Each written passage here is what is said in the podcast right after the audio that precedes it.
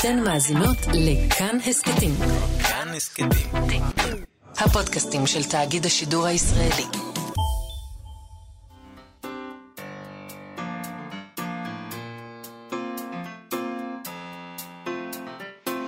מה שכרוך עם יובל אביבי ומה יעשה לה.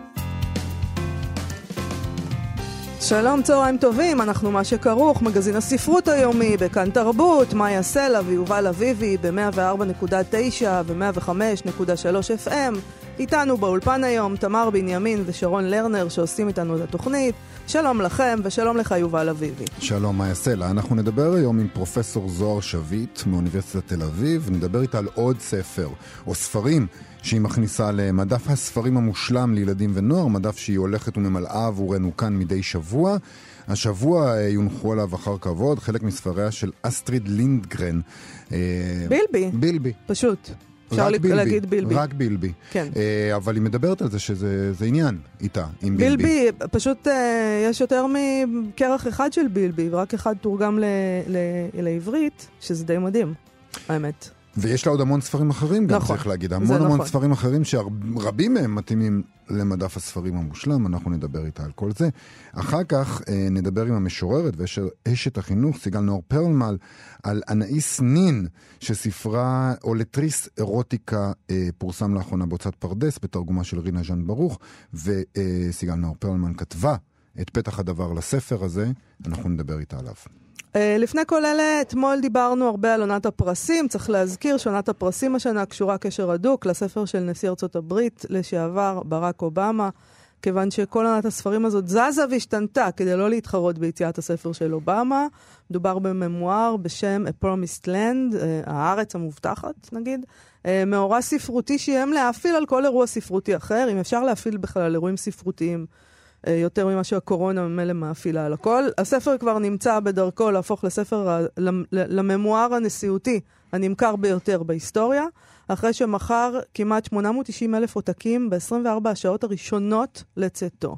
890 אלף עותקים ב-24 שעות. אובמה כתב את הספר, כך אומרים, בעצמו, בלי סופר צללים, במשך ארבע שנים. אנחנו כבר דיווחנו כאן שהמהדורה הראשונה של הספר היא, היא, מונה מיליוני עותקים, עדות לאמון של המו"ל בלהיט המסחרי הזה, ואמון שמוכיח את עצמו אה, בימים אלה. בעיתונות האמריקאית כבר הזדרזו להשוות, והם אמרו שהתחרות היחידה של ברק אובמה מגיעה מתוך הבית. הספר היחיד של אחד מדיירי הבית הלבן שהצליח להתקרב לנתונים האלה ביממה הראשונה, היה הספר של אשתו, מישל אובמה, Becoming, שנמכר ב-725 אלף עותקים ב-24 שעות הראשונות ליציאתו לאור.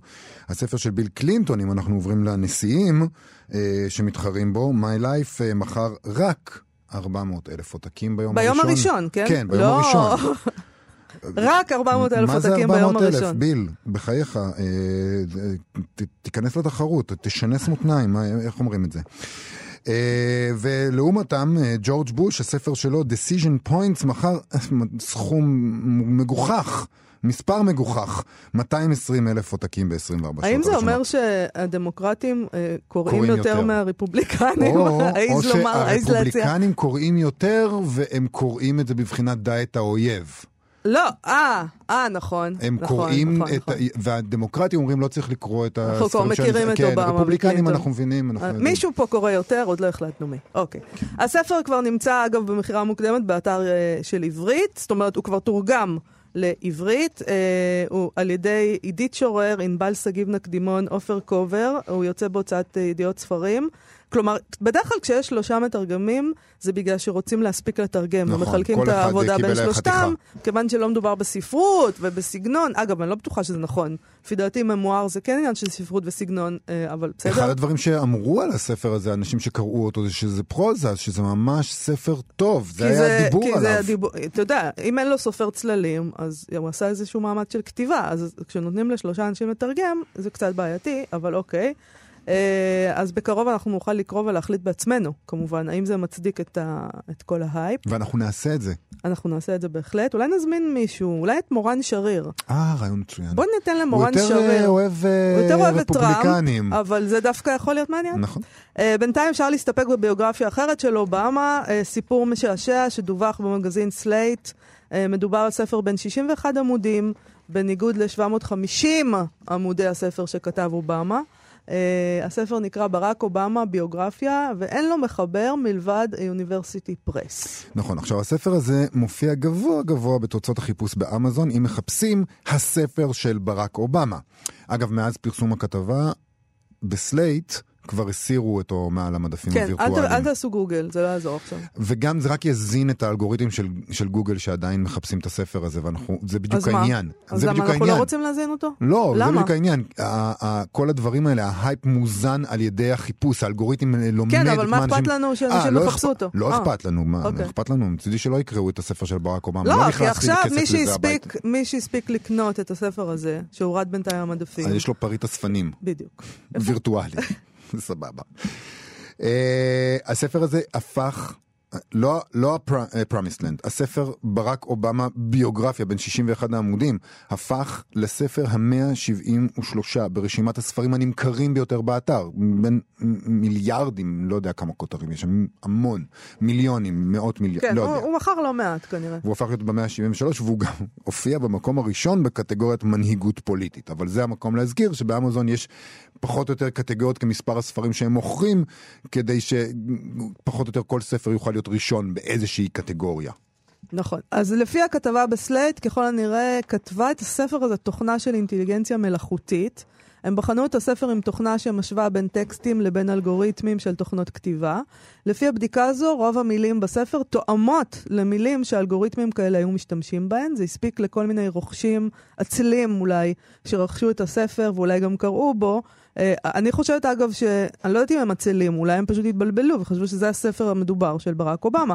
אה, לצד כותרים אחרים, יש לה- להוצאה הזאת עוד כותרים, אה, להוצאה המפוקפקת הזאת, שכנראה נוצרו באותה שיטה ורוכבים על הגב של ידוענים אחרים שכתבו ספר. 55 ספרים יצאו בהוצאה הזאת, מאז פברואר 2019. זה עסק מאוד מכניס, כן? ידוען כלשהו אה, אה, כותב ספר ומוציא אותו, ומפרסם אתה אותו מוציא באמזון. ספר בשם דומה. ואתה עושה איזה מין כזה, אתה נותן למחשב כזה לאגור טקסטים, לעבור על טקסטים שקשור, שהם ראיונות עם הידוען הזה, או דברים שהוא כתב בעצמו, וזה יוצא איזה מין הקבץ כזה של כמה, כמה זמן עשרות זה לוקח? עמודים. אני מניח שעכשיו זה לוקח, ב- לא יודע, כמה שעות בטח. לא רע. ואז אתה שם את זה באמזון. וכל מי שלא יודע את השם של הספר של הידוען ומחפש את השם של הידוען ו-a-book, מקבל גם את זה וקורא את זה. ומה שיפה אבל, מה שהכי יפה לפי הכתבה הזאת בסלייט, זה שהספר, בין ה-61 עמודים, ה- ה- ש... ש... אינו הממואר המרשים והעבה והאמיתי שלקח ארבע שנים לכתוב שכתב ברק אובמה, האמיתי.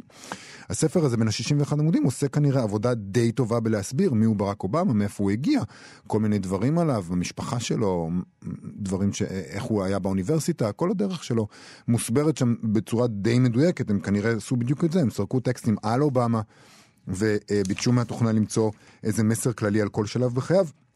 זה נעשה אולי בצורה גסה ולא מעניינת במיוחד, אבל זה נעשה, ועבור חלק מהרוכשים זה מספיק. מה עכשיו, אם אתה צריך לבחור בין לקרוא 61 עמודים על ברק אובמה לבין 750 עמודים על ברק אובמה, אז קל יותר 61. נכון. אתה בעד אה, תוכנות מלאכותיות כאלה. מאוד, אני חושב שיום אחד הם יעשו עבודה אפילו יותר טובה, וזה ייתר את כולנו, ונלך הביתה ונוכל לישון קצת. פרופסור זוהר שביט מאוניברסיטת תל אביב, בכל שבוע מוסיפה עוד ספר למדף הספרים המומלץ לילדים ונוער. והשבוע אנחנו מדברים על בילבי, ובעצם מי, ש... ומי שכתבה אותו, הסופרת השוודית אסטריד לינגרן, בעצם אנחנו מתחילים פה סדרה של יתומות. היתומה הראשונה היא בילבי. היא, היא לא לגמרי יתומה בעצם, היא בסוף... אבא מאם. של... היא יתומה מאם, אבל... ואבא שלה אמנם לא... לא יודעים מה קרה לו, אבל אבא בסוף שלה הוא חוזר. יורד ים, הוא מלאך. אה, הוא... נכון, אבל חושבים שהוא, חושבים שהוא טבע באיזשהו שלב, כן, לדעתי. נכון. ואחרי זה הוא לא חוזר. נגלה הכל, אבל היא היא חיה לבד הילדה הזאת. מה זה לא נגלה הכל? מי שלא קרא את בילבי עד היום, אפשר לעשות לו תקשיב, ספוילר. אה, היא היא חיה לבד? היא חיה לבד. יופי. עושה הכל לבד. ההורים שלה נטשו אותה. ההורים שלה נטשו אותה, בצורה והיא עושה כזו או הכל אחרת. לבד, והיא והיא והיא הבן אדם- היא הילדה הכי חזקה בעולם. אז זה עוזר כדי להסתדר לבד.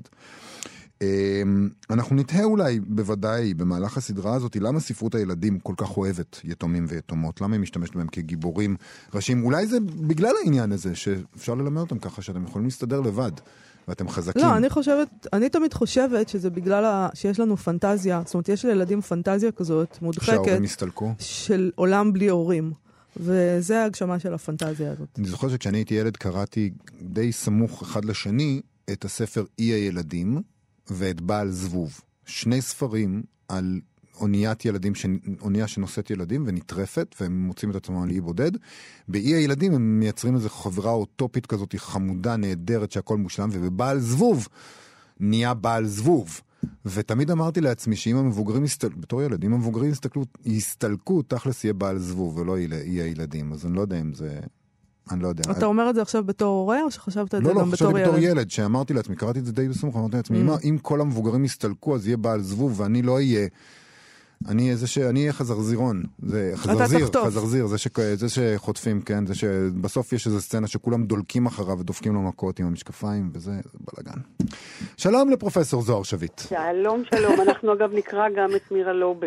גם סיפור אוקיי. החיים שלה מאוד מעניין, של איי ילדים. אבל לפני שאנחנו נעסוק ברבי המכר של אה, אסטרית לינגרן, אני רוצה להגיד משהו על הספרות העברית, ולמה השיחה שלכם קודם לכן כל כך רלוונטית לה.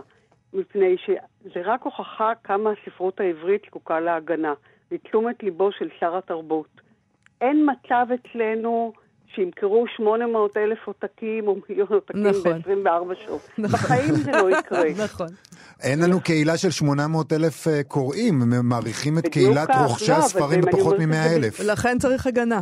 כן. לכן הספרות שלנו זקוקה להגנה. אבל אולי לא על ספרים של פוליטיקאים, אולי על ספרים של סופרים. אבל זה כנראה ספר שיש לו גם ערך ספרותי. זה נכון. לא יודעת, לא קראנו אותו. זה נכון. אז פרופסור. אה, זוהר שביט, אנחנו מדברים היום, אה, נחזור, אנחנו מדברים היום על אסטריד לינגרן, אישה כן. יוצאת דופן, עם סיפור חיים יוצא דופן, גם עצוב, גם טרגי, גם כזה עם, עם הרבה אשמה בתוכו. אה, בוא, אז בוא, נתחיל. אוקיי. אז קודם כל, תראו, זה סיפור חמוץ מתוק. כי זה סיפור על סופרת גדולה, ענקית, נון קונפורמיסטית, שהטביעה חותם לא רק על ספרות הילדים, אני חושבת שאפשר לחלק את הכתיבה לילדים בספרות המערבית ללפני בילבי ואחרי בילבי. אלא הטביעה חותם גם על השפה השוודית, והייתה לה השפעה ניכרת גם על ייצוג הלשון הדבורה בספרות הכתובה, ובנוסף היא הובילה כמה מאבקים חברתיים, כולל מאבקים על זכויות הילדים. ואגב, ככל הידוע לי, שוודיה המדינה היחידה בעולם שילד יכול לתבוע גירושים מהוריו. אז אה, שימו לב, הורים, אל תעצבנו נהגו יפה. אם. אתם שוודים, אם אתם ישראלים, אתם יכולים לעשות להם מה שאתם רוצים. אה, חס ושלום. אבל כן, אנחנו, למרבה הצער, שומעים לפעמים כמה זה נכון. הדמות הזאת היא דמות אה, שהיו לה חיים מאוד מאוד מסוב... מאוד נכון, מורכבים. ה- היו בה צדדים טרגיים, וגם בספרים שלה, כפי שאנחנו ננסה להראות, ולו במעט, בצד הצחוק והשעשועים יש הרבה מאוד עצב ויתמות. אז קודם כל אני רוצה לספר על, על אסטרס לינגרן ואנוכי. כן. אה, הייתי בכנס ב-2019 של האגודה הבינלאומית לספרות ילדים, למחקר ספרות הילדים. הוא נערך בשטוקהולם היפהפייה בקיץ, ואחד השיאים שלו היה ביקור בדירה של אסטרית לינגרן. עכשיו, אני הכרתי קצת את קורות החיים שלה ואת היותה אה, רב, היא מכרה חושבת קרוב ל-200 מיליון עותקים את הספרים שלה. ואז הגענו לדירה, שאומנם נמצאת בלב העיר ומשקיפה על פארק מאוד יפה, אבל מה שהרשים אותי במיוחד היה, הייתה הצניעות של הדירה. היא הייתה מרואית את ביתם, הייתה עמוסה בספרים, עם הרבה מאוד יצירות אמנות, אבל אפשר להבין ממנה כמה לינגרן לא רדפה מותרות ולא בחרה בחיים רבתניים. כי עם הכסף שהיה לה, לא חסרים בתי מידות בסטוקהולם שיכלו... היא הייתה יכולה להרשות לעצמה. לעצמה. כן. אבל היא הסתפקה בדירה הזאת ברחוב דלגטן, ועד מותה ב-2002 היא המשיכה לכתוב בה את ספריה, ומה שמעניין, שהיא המשיכה גם אה, לעבוד כעורכת בהוצאת ספרים. עכשיו אני רוצה להגיד משהו עליה, על לינגרן והקול הילדי. תראו, אנחנו תמיד מתגעגעים לקול הילדי ולילדות שלנו, ויש בזה משהו פתטי, כי הלוא בחיים לא נצליח לשחזר אותו, ואף פעם לא נצליח מחדש לחיות את הימים האלה. אבל אני חושבת שאסטרית לינגרן סופרת הילדים שהכי מתקרבת להשמעת הקול הילדי. והמנעד שבו היא עושה את זה במגוון מאוד גדול של ספרים, היא כתבה 75 ספרים, הוא מאוד רחב. עכשיו, השאלה היא כמובן איך היא עושה את זה. איך מצד אחד היא מצליחה לשבור כמעט את כל הנורמות החברתיות המקובלות, אבל עדיין להיחשב לסופרת השוודית הלאומית. אז אגב, שההלוויה שלה הייתה כמעט הלוויה, הלוויה ממלכתית בכנסייה הכי גדולה בסטוקהולם, והמלך והמלכה השתתפו בה. או-אה. זאת אומרת, היא באמת זכתה למעמד שפשוט קשה אה, לתאר אותו, אבל אני חושבת שהוא בצדק. אז אנחנו אז נדבר נתחיל אולי עם, ה... עם, ה... עם סיפור החיים שלה? אה, כן, בדיוק. אחר כך נדבר על שבירת הנורמות, ואחר כך על הדמות האיקונית של בילבי. אה, אז הסיפור, היא נולדה ב-1907 להורים שהיו בעלי חווה בדרום שוודיה, והיא תמיד נהגה לדבר על הקשר העמוק אה, שהיה לה עם הטבע, ועל ספרים שהיא אהבה, ביניהם אן מאן אבני, שאנחנו, מה שאנחנו קוראים לה סופית. כן. גם עליו נדבר. אה, וכבר כילדה או נערה היא בגדה, בג, בעטה במוסכמות החברתיות. היא קצצה את השיער בניגוד למקובל, ועד אבא שלה אמר לה אין לך מה לחזור הביתה, והיא יצאה לרקוד בערבים, אבל אז היא התחילה לנהל רומן עם עורך העיתון המקומי שבו היא פרסמה את רשימותיה, וזה כבר קבע את מסלול החיים שלה, היא הרתה לו. אה, ואומנם הוא הציע שיתחתנו, אבל היא דחתה את הצעתו מפני שלדבריה היא לא אהבה אותו. אז, אז אבל בוא נגיד, גם הוא היה בן 50 כמעט, נשוי, אבא לילדים. כן, אבל אה, את יודעת, מעמידה את השיקול שפתאום תישארי לבד בעולם ואיך תפרנסי את הילד. נכון. אנשים עשו את זה, אבל נכון. היא כמובן לא הייתה מוכנה היא החליטה ללדת זה. את הילד בכוחות עצמה.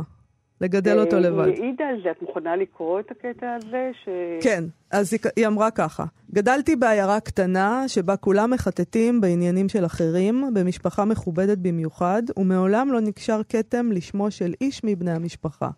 אני זוכרת את הזעזוע של אמי מנשים שילדו ילדים מחוץ לנישואים, ואז גם אני עשיתי זאת. חשבתי שזה יהרוג את הוריי. אז זהו, אז כדי לא להרוג את הוריה, היא עברה לעיר הבירה סטוקהולם בגיל 19, ואז לפני הלידה היא יצאה לדנמרק כדי שלא יהיה שום תיעוד רשמי ללידת הממזר. שם היה בית החול... החולים היחידי באירופה שנשים יכלו ללדת בסתר, ובדצמבר 1926 היא ילדה את בנה הבכור לארס, אבל למעשה, אם לומר ביושר, היא נטשה אותו. כן. היא תחילה השאירה אותו בידיים של משפחה אומנת בקופנהגן, ואחר כך היא לקחה אותו אליה, אבל היא לא הסתדרה ושלחה אותו להתגורר עם הוריה בחווה, וזה המשיך לרדוף אותה כל חייה. אגב, הבן שלה לא הצליח למצוא את מקומו בחיים, והוא הפך אלכוהוליסט, ובקיצור, נחה גדולה לא הייתה ממנו, וזאת הייתה הטראומה של חייה. טראומה שמאוד השפיעה על הכתיבה שלה, והיא עצמה אמרה, הייתי הופכת לסופרת בכל מקרה, גם לולא הסיפור של האפה, אבל לא הייתי הופכת לכזאת סופרת מפורסמת. מעניין אה, למה, למה היא חושבת ככה. כי, אה, כי מה? מפני שאני חושבת שזה יצר את המורכבות של הספרים שלה. כן. הנכדה שלה, אני קאבה, הבת שלה, שאמרה, ברוב הסיפורים שלה קיים גם צד אפל, והיא מעולם לא היססה לכתוב על ההיבטים הכואבים של החיים. ובתור אחת שחזתה את זה בעצמה, היא החליטה לך, אני חושבת, תראי, אפשר לדעת, אבל כן. היא הכניסה את, את העניין הזה אה, לספרים שלה, ואנחנו נראה שאפילו בבילבי יש צד, אה, צד מאוד אפל. עכשיו, מה שמעניין בבילבי זה הפריצה המטאורית שלה לשוק ספרי הילדים. זה היה הספר הראשון שלה, וכמו הרבה מיתוסים על ספרי ילדים, אז כאן מספרים שהבת שלה הייתה חולה, ואז היא נדנדה לה שהיא תספר לה סיפורים, ואז הבת המציאה את הדמות הזאת של בילי גרב ברך, והיא כל ערב סיפרה לה סיפורים. בקיצורו של דבר, היא אה, שלחה את הספר הזה, את קובץ הסיפורים הזה, להוצאת ספרים גדולה בסטוקהולם, אבל ההוצאה סירבה להוציא את הספר. ואז היא שלחה לתחרות סיפורים סיפור נוסף, ואחר כך את בילבי גרב ברך, ואחר כך כבר הספר האור. אני חושבת שמי שדחה את הסיפור שלה, אם הוא עוד בחיים, הוא מקלל בוודאי עד היום את הוא, יומו, ואם לא, ילדיו ונכדיו. נכדי נכדיו. וניניו, את. בדיוק. אז אה, ביבי, פיפי לנגסטרומפ, זה השם היה של הספר נכון. במקור. זה. בשוודית פיפי זה ציפור קטנה. אה, היה הצלחה מסחררת.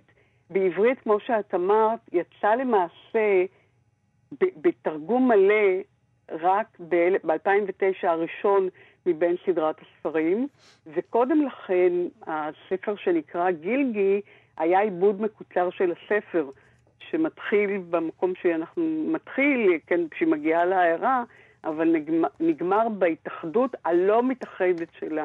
עם אבא שלה. אז בוא רק נגיד שהמתרגמת אה, של הספר, שראה אור בשנת 2009, אה, היא כמובן דנה כספי. הנהדרת. כן, זו מתרגמת נהדרת, ואנחנו רק צריכים לבקש ממנה שתמשיך. שתמשיך. והספר הזה ראה אור בהוצאת uh, כנרת זמורה ביטן. אוקיי. Uh, עכשיו, יש, צריך להגיד, אם צריך לבחור שני עניינים, הייתי מתמקדת בשנה שבה הוא ראה אור, וכמובן הדמות האיקונית של בילבי. אז תראו, הוא יוצא אור בנקודת האפס, מפני שזה אחרי מלחמת העולם השנייה, ויש תקווה גדולה לתיקון. והתקווה הזאת היא תקווה שמעמידה את הילדים במרכז העולם. ואני חושבת שזאת הסיבה לכך שהיו מוכנים לקבל את הילדה הזאת שלועגת לכל המוסכמות החברתיות ומתנערת מכל דמות אה, רודנית. כן. עכשיו, ברור שהדמות שלה לקוחה מעולם הפנטזיה, אבל היא הפכה לדמות אה, איקונית והייתה לזה השפעה אדירה על שביעת הסטריאוטיפ של הילדה הצייתנית המחונכת אה, היטב, שבספר כמובן מוצגת בדמות של אניקה. כן. אבל צריך לזכור גם שאניקה אה, זקוקה אומנם לבילבי, אבל בילבי זקוקה לאניקה לא פחות, מפני שזה הדבר הכי דומה למשפחה שיש לה. עכשיו, ההצלחה של הספר הזה... אה, עוררה סערה אדירה. אוקיי, לא התלהבו. לא יכלו לסבול את זה שהיא יוצאת נגד בית הספר והמשטרה וכל הסמכות של המבוגרים, וגם היה כעס גדול על השפה המשובשת שבה היא מדברת. אה, אבל היא אומרת שהשפה משובשת כי היא לא הולכת לבית הספר. כי היא לא הולכת לבית הספר, אבל זה הייתה כנראה אחת הפעמים הראשונות שהכניסו שפה דבורה כזאת לשפה הכתובה, וזה כמובן עורר גם סקנדל גדול. לא עזר להם כלום, היא תורגמה ליותר מ-95 אה, שפות, והיא מכרה כנראה קרוב ל-200 מיליון עותקים, והשוודים ידעו לגמול על הצלחתה, ויש על שמה פרס ופארק שעשועים בעיר הולדתה, וגם בשטוקהולם הקימו אה, לא מכבר אה, פארק. וצריך אה, להגיד שהילדים השוודים עדיין די מחונכים, רובם. זה, היא לא קלקלה את העולם. כן, אבל, נכון, אבל יש להם מודל להעמיד מולם ולדעת למה לחתור. ואני גם זוכרת שכילדה נורא אהבתי את ה... במיוחד את כל הפרקים האלה שקוראים תגר על העולם המבוגרים ועל סמכות. הפרק הזה שהיא משחקת, היא תופסת עם השוטרים, והפרק שלא יישכח כשהיא הולכת לבית הספר. זה, זה פשוט דברים פנומנליים. כמובן שהיא מוזמנת לאכול קפה, ושם בכלל מחרבת להם לא רק את המסיבה, אלא גם את כל הכללים של התנהגות. אבל אני חושבת שכשרואים את הסרט הדוקומנטרי שהוקרן בפסטיבל אפוס ב-2018, ומודעים לביוגרפיה שלה, מבינים באופן שונה חלק, חלקים מהספר, כמו למשל הקטע בראשית הספר. את יכולה בבקשה לקרוא? כן. היה? בפאתי עיירה קטנה קטנה שכנה גינה ישנה ומוזנחת. בגינה עמד בית ישן, ובבית גרה בילבי גרב ברך. היא הייתה בת תשע, והיא גרה שם לגמרי לבד. לא היו לה לא אימא ולא אבא, ולמען האמת זה היה ממש נחמד, כי לא היה מי שיגיד לה ללכת לישון דווקא בשיא הכיף, ומי שיכריח אותה לבלוע שמן דגים, למרות שהיא מעדיפה לאכול סוכריות טופי. פעם היה לבילבי אבא שהיא נורא נורא אהבה, וכמובן הייתה לה גם אימא, אבל זה היה כל כך מזמן שהיא בכלל לא זכרה אותה. אימא שלה מתה כשבילבי הייתה תינוקת קטנטנה ששכבה בעריסה וצרחה בקולי קולות עד שאיש לא העז להתקרב אליה. בילבי האמינה שאימא שלה יושבת עכשיו בשמיים וצופה מטה על הילדה שלה מבעד לחור קטן. לעתים קרובות הייתה בילבי מנופפת אליה למעלה ואומרת, אל תדאגי, אני תמיד מסתדרת. את אבא שלה בילבי לא שכחה. הוא היה רב חובל והפליג בים הגדול, ובילבי הפליגה איתו בספינה שלו עד שפעם אחת, בשעת סערה, נסחף אבא שלה לים ונעלם. אבל בילבי הייתה בטוחה לגמרי שיום אחד הוא ישוב. אז תראו, זה, זה, זה באמת, אה, זאת הפתיחה של הספר, והיא מאוד מאוד עצובה, אני חושבת, במיוחד לאור הביוגרפיה שלה. כן. זה, זה, והיא היא מכתיבה במידה רבה את הקריאה של ההמשך. זאת אומרת, כאילו נותנים לנו איזה סולם מוזיקלי, ואומרים לנו, אוקיי, אבל תמיד תזכרו שהגינה ישנה ומונחת, ואין מי שידאג לבלבי, והיא לבד לבד. והיא כאילו אולי פיצתה את, ה, את, את, את, את, את הרגשות אשם שלה.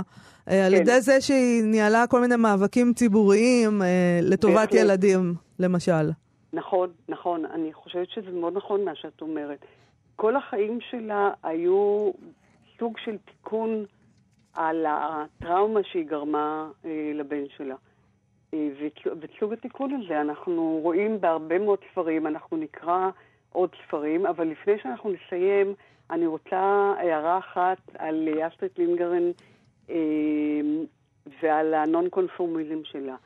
אחד הדברים שמפתיעים, גם בספר הזה, וגם אנחנו נראה את זה בקרלסון ובלוטה, שאני מקווה להציג אה, בהמשך מכל הספרים הנהדרים שלה, זה שעדיין היא מציגה אה, נורמות אה, מאוד שמרניות לגבי מבנה המשפחה. כי תחשבו על המשפחה של טומי ואניקה, חלוקת תפקידים מגדרית מאוד שמרנית. הם גרים בבית צהוב, ומדי בוקר הולכים לבית הספר, ואבא הולך למשרד. אבל מה עם אימא? אימא נשארת בבית לטפל בבית.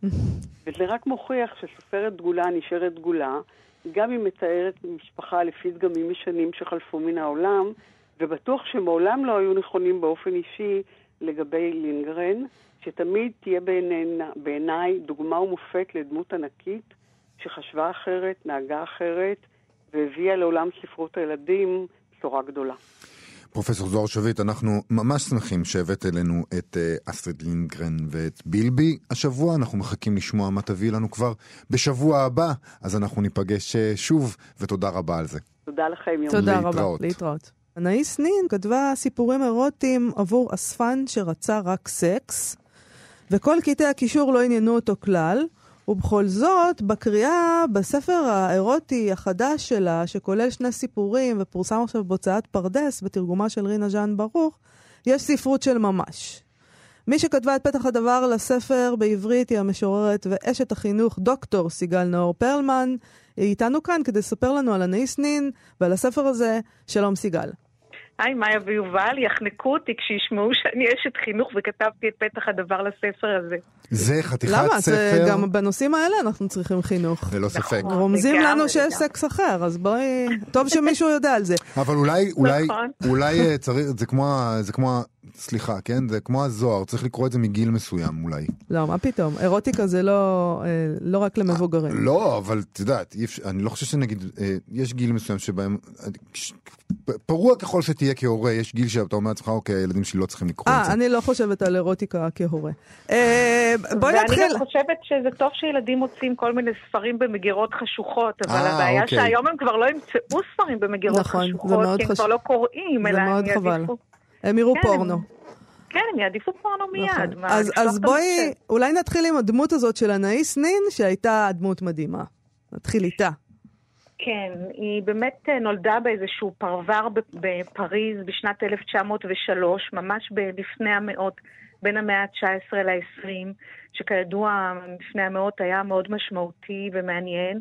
אבא שלה היה קובאני וגם אימא שלה, וכשהיא הייתה בת 11, אה, בעצם לפני האבא עוזב את המשפחה לטובת אישה צעירה ממנו שמבוגרת מאנאיס בסך הכל בשש שנים, והאימא מחליטה לעבור איתם לברצלונה, ובשנת 1914, כשאנאיס בת 11, הם עוברים לגור בניו יורק. מזל, בדיוק בשנה הזאת, כידוע, פרצה מלחמת העולם הראשונה, וארצות הברית הרי מצטרפת רק ב-1917, ככה שהיא די ניצלה.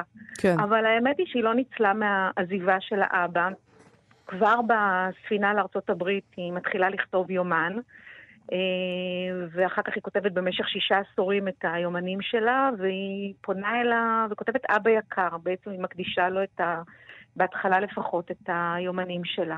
ואגב, מהיומנים שלה עולה שהיה שם גם סיפור של גילוי עריות ביניהם. נכון, נכון, נכון. זה גם עולה הדבר הזה. אמ, וזה כנראה היה כשהייתה מאוד מאוד צעירה, כי האבא עזב את הבית והם עוד חיו בברצלונה, זה כנראה כשהייתה ילדה. עכשיו, זה משהו שאני לא לגמרי יודעת עד כמה, זאת אומרת, היא כותבת, אבל זה גם חלק מאיזשהו אה, כנראה טיפול פסיכואנליטי שהיא עוברת אצל אוטו רנק, שהיה תלמיד של אה, פרויד. נכון. יכול להיות ששם צצו כל מיני דברים וצפו, ואז היא מתחילה לעשות לעצמה איזה מין אה, פסיכואנליזה. כן, גם ו... מהיומנים יש דברים שלא ברור מה באמת היה ומה לא היה, זה לא... אה, אז זה ספרות באיזשהו אופן. נכון. אה, יש אבל אחר כך יש לה תקופה שהיא נוסעת לפריז. אה, אנחנו מכירים את התקופה הזאת יותר טוב מתקופות אחרות, אה, פוגשת את הנרי מילר ואת כל החבורה הזאת, אה, פריז של שנות ה-30. כן, היא פוגשת את הנרי מילר, ושם היא בעצם, וגם פוגשת את אשתו. נכון. ושם מתחילה מין מערכת יחסים סוערת, שאגב לא הייתה מערכת היחסים הסוערת היחידה של הנרי מילר, כי לפני אנאיס נין גרה איתם גברת אחרת, שאשתו גם ברחה איתה באיזשהו שלב, אחר כך נפרדה ממנה. אלה היו שנים מאוד סוערות, אבל אנאיס נין הייתה המאהבת שלהם, אחר כך גם... היא כתבה באמת בספר של גילוי העריות על מערכת היחסים הזאת, והיא גם יצאה סרט בשנת 1990. אבל מה שמעניין זה שהיא הייתה מאוד מאוד מחויבת להנרי מילר. הוא היה באיזשהו שלב די עני, והיא החליטה לעזור לו לקדם את הספר שלו, ולכן החליטה לעשות את הדבר הזה שהנרי מילר התחיל בו. הוא התחיל בעצם בעצמו, את זה אני לא כתבתי בפתח הדבר, אבל הוא התחיל בעצמו אה, לכתוב עמודים אירוטיים עבור האספן האנונימי הזה, שאף אחד לא בדיוק יודע מי הוא. אה, ואחר כך הוא מעביר את השרביט לאנאיס שממשיכה לכתוב בעצמה, ובין 40, שנת 1940 ל-1942 היא כותבת 850 עמודים בעבור דולר אחד לעמוד. עמודים אירוטיים. כן. ומדי פעם משוחחת עם האספן הזה גם בטלפון, ושם הוא מבקש ממנה, גברת, פחות שירה, יותר סקס. פחות שירה, יותר סקס. בלי תיאורי טבע, בבקשה. כן, בדיוק. לא עזר לו. לא, היא עובדת עליו, היא עובדת עליו בגדול, היא, היא פשוט, היא, היא מצליחה לכרוך אותו אחרי אני הבוקר. אגב, לא מומלץ בשבע בבוקר לקרוא שוב את הסיפורים האלה, זה מה שעשיתי הבוקר, אבל... זה משבש באמת, את היום. זה משבש את היום, ואני... מתעוררים בערך תוך uh, שנייה. ביקיצה מהירה מאוד. היא פשוט uh, לא נותנת לו לישון לרגע, היא משאירה אותו ער כל הזמן. סיפור נכנס לתוך סיפור, והיא מתחילה עם איזשהו uh, תיאור, לפעמים uh, uh, לא תיאור של סקס, אלא דווקא תיאור של uh, מין תהפוכות נפש, או משהו שקורה ל... ל... לגיבור, uh, מחשבות שלו, ו... ו... וכל מיני פנטזיות. שפתאום הופכות להיות פנטזיות על סקס, ואז היא מכניסה אותו פנימה לתוך, אה, לתוך הסיפור בעצמו, ואנחנו כבר לא יודעים מה פנטזיה ומה מציאות, וסיפור נכנס לתוך סיפור, ויש דמות שמופיעה בסיפור הראשון, שפתאום נכנסת בבלי דעת לסיפור השלישי. ולאט לאט אנחנו פשוט נכרכים בקורי העכביש האלה שלה, של תיאורי הסקס המאוד מאוד... אה, מאוד מאוד נועזים, צריך להגיד. צריך להגיד אבל שגם הפתיחה של הסיפור הראשון, החיים כן. בפרובינסטאון, כן. מאוד מזכירה בעצם את הספרות הזאת של uh, הספרות האמריקאית אולי, של שנות ה-40 ככה, אולי, נתלה ככה, אולי איזה פיסג'רל כזה בקצבי הגדול כזה, מצ... לאורך קו המפרץ, אני אקריא פשוט. אפילו קו... המינגווי. המינגווי, נכון. לאורך קו המפרץ עובר רחוב ראשי אחד, דייגים פורטוגזים יושבים במעגלים כמנהג האיטלקים ומפטפטים. ברחוב הראשי, מאחורי הבתים, רציפים באורחים שונים נמתחים על פני המים. על הרציפים האלה ניצבות בקתות, צריפים שבהם השתמשו פעם הדייגים לאחסון רשתות, כלים וסירות הדורשות תיקון. כאן מתגוררים האמנים. אתה אומר לעצמך, אוקיי, זה רומן, זה נכון. רומן תקופתי, זה, ומהר מאוד זה עושה, זה שובר כיוון לגמרי. לגמרי, זה נורא דומה אגב לפתיחה של הזקן והים, mm-hmm. אבל דגים אחרים נתפסים שם בחכות. אמ, כן, אתה צודק, ו- ובאמת זה לאט לאט הופך להיות מין הקירות הדקים האלה שמפרידים אה, בין הבקתות האלה, הרזות והדלות. אה, מעבירים גם את הקולות. היא משתמשת בכל החושים לתיאורי הסקס שלה, לא רק ב... היום, באמת, כשדיברנו בתחילת השיחה על הפורנוגרפיה אולי שאנשים צורכים היום, רק במילה צורכים אפשר להשתמש, היא פורנוגרפיה ויזואלית. אגב, כל מה שאנחנו עושים היום הוא פורנוגרפיה ויזואלית בעיקר, וזה לא משנה אם זה רשתות חברתיות או מה זה לא. אבל uh, בתיאורים האלה היא פשוט מדליקה את, ה, את כל החושים, גם את חוש הריח וגם את תחוש הטעם וגם את תחוש הראייה ואת תחוש המישוש והכל, והשמש. השמש הופכת להיות ישות סקסואלית בעצמה. אה, זה פשוט מדהים. מוזר שזה רק עכשיו בעצם התגלה, אה, בשנים האחרונות, הסיפורים האלה. הם לא לגמרי בשנים האחרונות, בשנת 85 אה, כבר היה ידוע שנמצאו, גם נמצא סיפור מרסל, שיצא בצורה מקוצצת קצת ב, אה, בדלתא של ונוס, בקובץ שיצא מיד אחרי שאנאיס נפטרה, מתה בשנת 1977, והחיים בפרובינגסטאון באמת לא פורסם מעולם, ואפילו העורך הידוע של אה, אנאיס נין לא הכיר אותו, אבל אז לא היה כנראה טעם לפרסם את הספר, כי סיפור אחד פורסם בחלקו, והסיפור השני הוא היה רזה מדי מכדי לאכלס ספר שלם. אז לא עשו עם זה כלום, ורק באמת ב-2016 זה פורסם לראשונה ב... באמריקה. אנחנו תכף צריכים לסיים, אבל בכל זאת אני חייב לשאול, זה ספר... צריך להגיד את זה למי שעומד לקרוא בדבר הזה, מדובר בתיאורים מאוד מאוד בוטים ומאוד מאוד מאוד מאוד גרפיים של כל מיני uh, עניינים של סקס. ותמיד חייבים לשאול את השאלה הזאת בעצם, מה מבדיל את זה בעצם מפורנוגרפיה? אמרת מקודם שהילדים אה, לא יחפשו היום במגירה אפלה איזה טקסט כזה אצל, במגירה של ההורים, אלא פשוט ילכו ליו, ל, ל, לא ליוטיוב, אבל אה, לאינטרנט ו, ויחפשו פורנו. נכון. מה מבדיל? אז, אז גם לפני, ש, לפני שאני אגיד מה מבדיל, אני אגיד בקצרה שגם צריך לקחת בחשבון שיש פה, גם ילדים משתתפים פה בפורנוגרפיה הזאת. אגב, בדלתא של ונוס בצורה הרבה יותר אה, נועזת, אבל um, בכל זאת מה שמבדיל בין, ה, בין הטקסט הזה לפורנוגרפיה זה אולי מה שסוזן סונטק uh, מדברת עליו במאמר של הדמיון הפורנוגרפי, ושם היא אומרת שבעצם הספרות אמורה וצריכה לגרות את כל החושים. אז מה, כשהיא מגרה את השכל שלנו, את, אה, את, את, אה, את, ה... גורמת לנו לבכות או לצחוק, אז מה, היא, היא, היא פחות, אה, היא, היא עושה את תפקידה יותר טוב ממה שהיא עושה אם היא מגרה את, את הגוף שלנו מחלקו, מ, כן, מהאגן ומטה? זה דבר אחד. והדבר השני זה מה שאומברטו אקו אמר, ואני אף פעם לא אשכח, כשקראתי את זה לראשונה, שההבדל בין פורנוגרפיה וספרות זה שבספרות את גם רוצה לקרוא את קטעי הקישור, או בסרט שהוא אמנותי. ולעומת זאת בפורנוגרפיה את רצה מיד לקטעים הנועזים, או לקטעי הסקס. אז בספר הזה בהחלט אה, ראוי לקרוא גם את קטעי הקישור. אנאיס נין, אולטריס אירוטיקה בתרגומה של רינה ז'אן ברוך, יצא בהוצאת פרדס עם, אה, עם פתח דבר שלך, דוקטור סיגל נאור פרלמן. תודה רבה על השיחה הזאת. תודה. תודה, להתראות. אה, טוב, אנחנו לקראת סיום. נכון. אה, נעשה סטטוס ספרותי. היום אה, של העורכת, אה, רנה ורבין. שהתחילה, מסתבר, לעבוד כמורה לספרות, אה, ועושה רושם שזה לא משלח יד מכניס במיוחד. לא שלא ידענו את זה, אבל אולי לא עד כדי כך. אה, אז חשבתי שאולי כדאי שנראה מה קורה אצל מורים לספרות. כמה הם מרוויחים. זה לא רק כמה הם מרוויחים, אלא מה... אלא מה, כן, כן, אלא, כל. אלא, אלא מכבשת הרש הזאת, מה, נכון, מה עושים. וככה נכון. היא כותבת, בחודש אוקטובר הורידו לי, מתברר, 163 שקלים חדשים מהמשכורת, כי לא היו נסיעות. לימדנו בזום, זה דבר מדהים, זה מפוצץ לי את המוח, זה מדהים. לימדנו בזום, אז הם לימדו מהבית, לא צריכים נסיעות. אנא מכם, שימו לב לגובה המשכורת שלי. אבל העלו משכורת עכשיו לח"כים, אז צריך מאיפשהו להביא את הכסף. בסדר, ברור, 133 שקלים האלה. נכון. העלו להם ביותר מ-163 שקלים. לא, אבל אוריד, אבל תחשוב כמה מורים אה, יש. יש יותר מורים. תכפיל אה, ב-163 אוקיי. שקלים. יפה, הם לא, לא, לא חושבים על זה עד הסוף, לא כמוני. אה, היא מצרפת שם תלוש, היא אומרת, תסתכלו על... פשוט אה, שמה תמונה של התלוש שלה ורואים את הסכום. היא אומרת כך, אני חושבת שזה נחמד מצד המדינה שמשלמים לי על שנת שירות קורונה שהתנדבתי לעשות השנה אצל משרד החינוך שלושה ימים כל שבוע. וזה נחמד שהמדינה מפרגנת לי על זה 2,400 שקלים בחודש, שיהיה לי לבזבוזים. איך פרגנו השנה לרנה, אומר לעצמו שר החינוך הקטן המדומיין, בדמיון שלי, לבוש בחליפה משובחת, בצבע זית עם כפתורי זהב. היא יכולה לקנות לעצמה משהו יפה עם הכסף הזה. אולי בנובמבר נעלה לה חזרה 100 שקל החזר נסיעות, הוא חושב לעצמו בקול.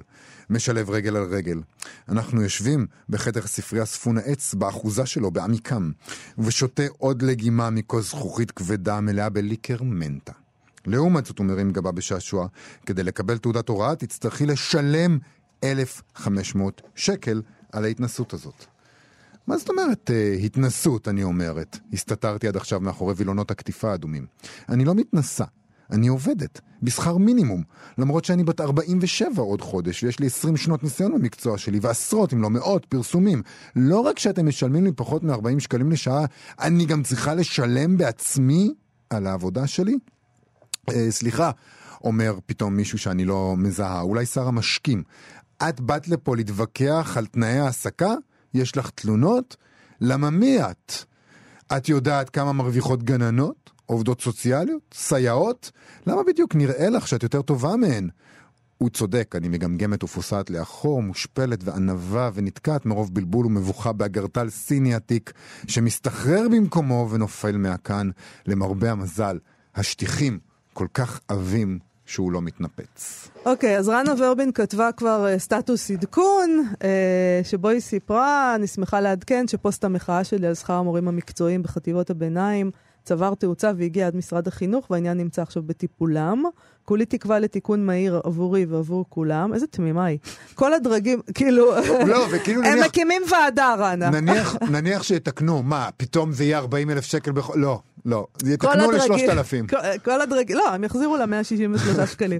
כל הדרגים שדיברו איתי מודעים לחוסר הצדק של הרפורמה העלובה שנקראת אופק חדש, אבל מזכירת תקופות פאודליות ישנות. אמנם הושמע טיעון שעד שלא תהיה ממשלה יציבה שתוכל להעביר תקציב, אי אפשר יהיה לשנות משהו בפועל, אבל אולי האפשרות פתאום דווקא כן תתאפשר. זה ממש נחמד שיש כזאת אה, אה, אה, מורה תמימה לספרות. נכון. אוקיי, אולי זה כן יתאפשר. תשמעי, היא לא היחידה, יש לנו זמן לעוד אחד? כן. עוד סטטוס. בעיה דומה, אך קצת, נקרא, וריאציה, נקרא לזה וריאציות על אותו נושא. וריאציות על אה, על סטטוסים. אותו נושא, כן. הסופרת זוכת פרס ספיר, אילנה ברנשטיין, כותבת כך: אני מלמד בשנקר בשנים האחרונות, וליוויתי בעבר במנשר, בבצלאל, באוניברסיטה העברית, בבית ברל, במוזיאון הרצליה, בסדנאות הקיבוץ המאוחד, בבית הסופר, בעוד ועוד מוסדות כאלה ואחרים. אני לא משתייכת לסגל הזוטר אפילו, סתם, מורה מן החוץ. מעולם לא לימדתי יותר משני קורסים במקום אחד, כדי לא ליצור מראית עין של משרה, וכל המשתמע מכך. וכמוני יש רבים ורבות. כ-70% בקירוב מהמרצים והמרצות במכללות הם סגל זוטר ומורים מן החוץ. מקוששים כמה שקלים פה וכמה שקלים שם, רצים ממקום למקום, משוללים ביטחון תעסוקתי, לא יודעים מה יקרה בשנה הבאה, אפילו בסמסטר הבא כן ייפתח קורס או לא, הכל מוכרע ברגע האחרון. אני שובתת עכשיו בצער רב, ליבי עם הסטודנטים, לא זו בלבד שהם נאלצים ללמוד בזום, הם נאלצים לספוג את פגעי השביתה. אבל ליבי גם עם כל אותם צעירים וצעירות, הסגל הזוטר והמורים מן החוץ, שבניגוד אליי, יש לפניהם שנים ארוכות של הוראה מפרכת ולא מתגמלת. בשנה החולפת קיבלתי מכתב מנשיא שנקר על הצטיינותי כמרצה. זה נעם לי מאוד. האם זיכה אותי בקורס נוסף? בשקל נוסף? מוכרחים לשנות את השיטה. הסטודנטים של היום, בחלקם לכל הפחות, יהיו עבדי השיטה של מחר. המשטר מעדיף אזרחים בורים, לכן הוא מזניח את מוסדות החינוך וההשכלה הגבוהה, לכן הוא מזניח את התרבות. הקורונה הפכה את רובנו לבעלי חוב, גם זה טוב למשטר. תעבדו מבוקר עד לילה, תחזירו את ההלוואות שלקחתם ותצנחו במיטותיכם בעייפות מוחלטת, ובינתיים, בשעה שאנחנו אוגרים כוחות ליום המחרת, יש מי שגונבים את המדינה. אילנה ברנשטיין. וזה זמננו לסיים להיום. תודה רבה לשרון לרנר ותמר בנימין, שעשו. איתנו את התוכנית, ותודה רבה גם לשלומי יצחק. אה, אתם מוזמנים לעמוד הפייסבוק שלנו ולעמוד הפייסבוק של כאן תרבות. להתראות מחר. להתראות.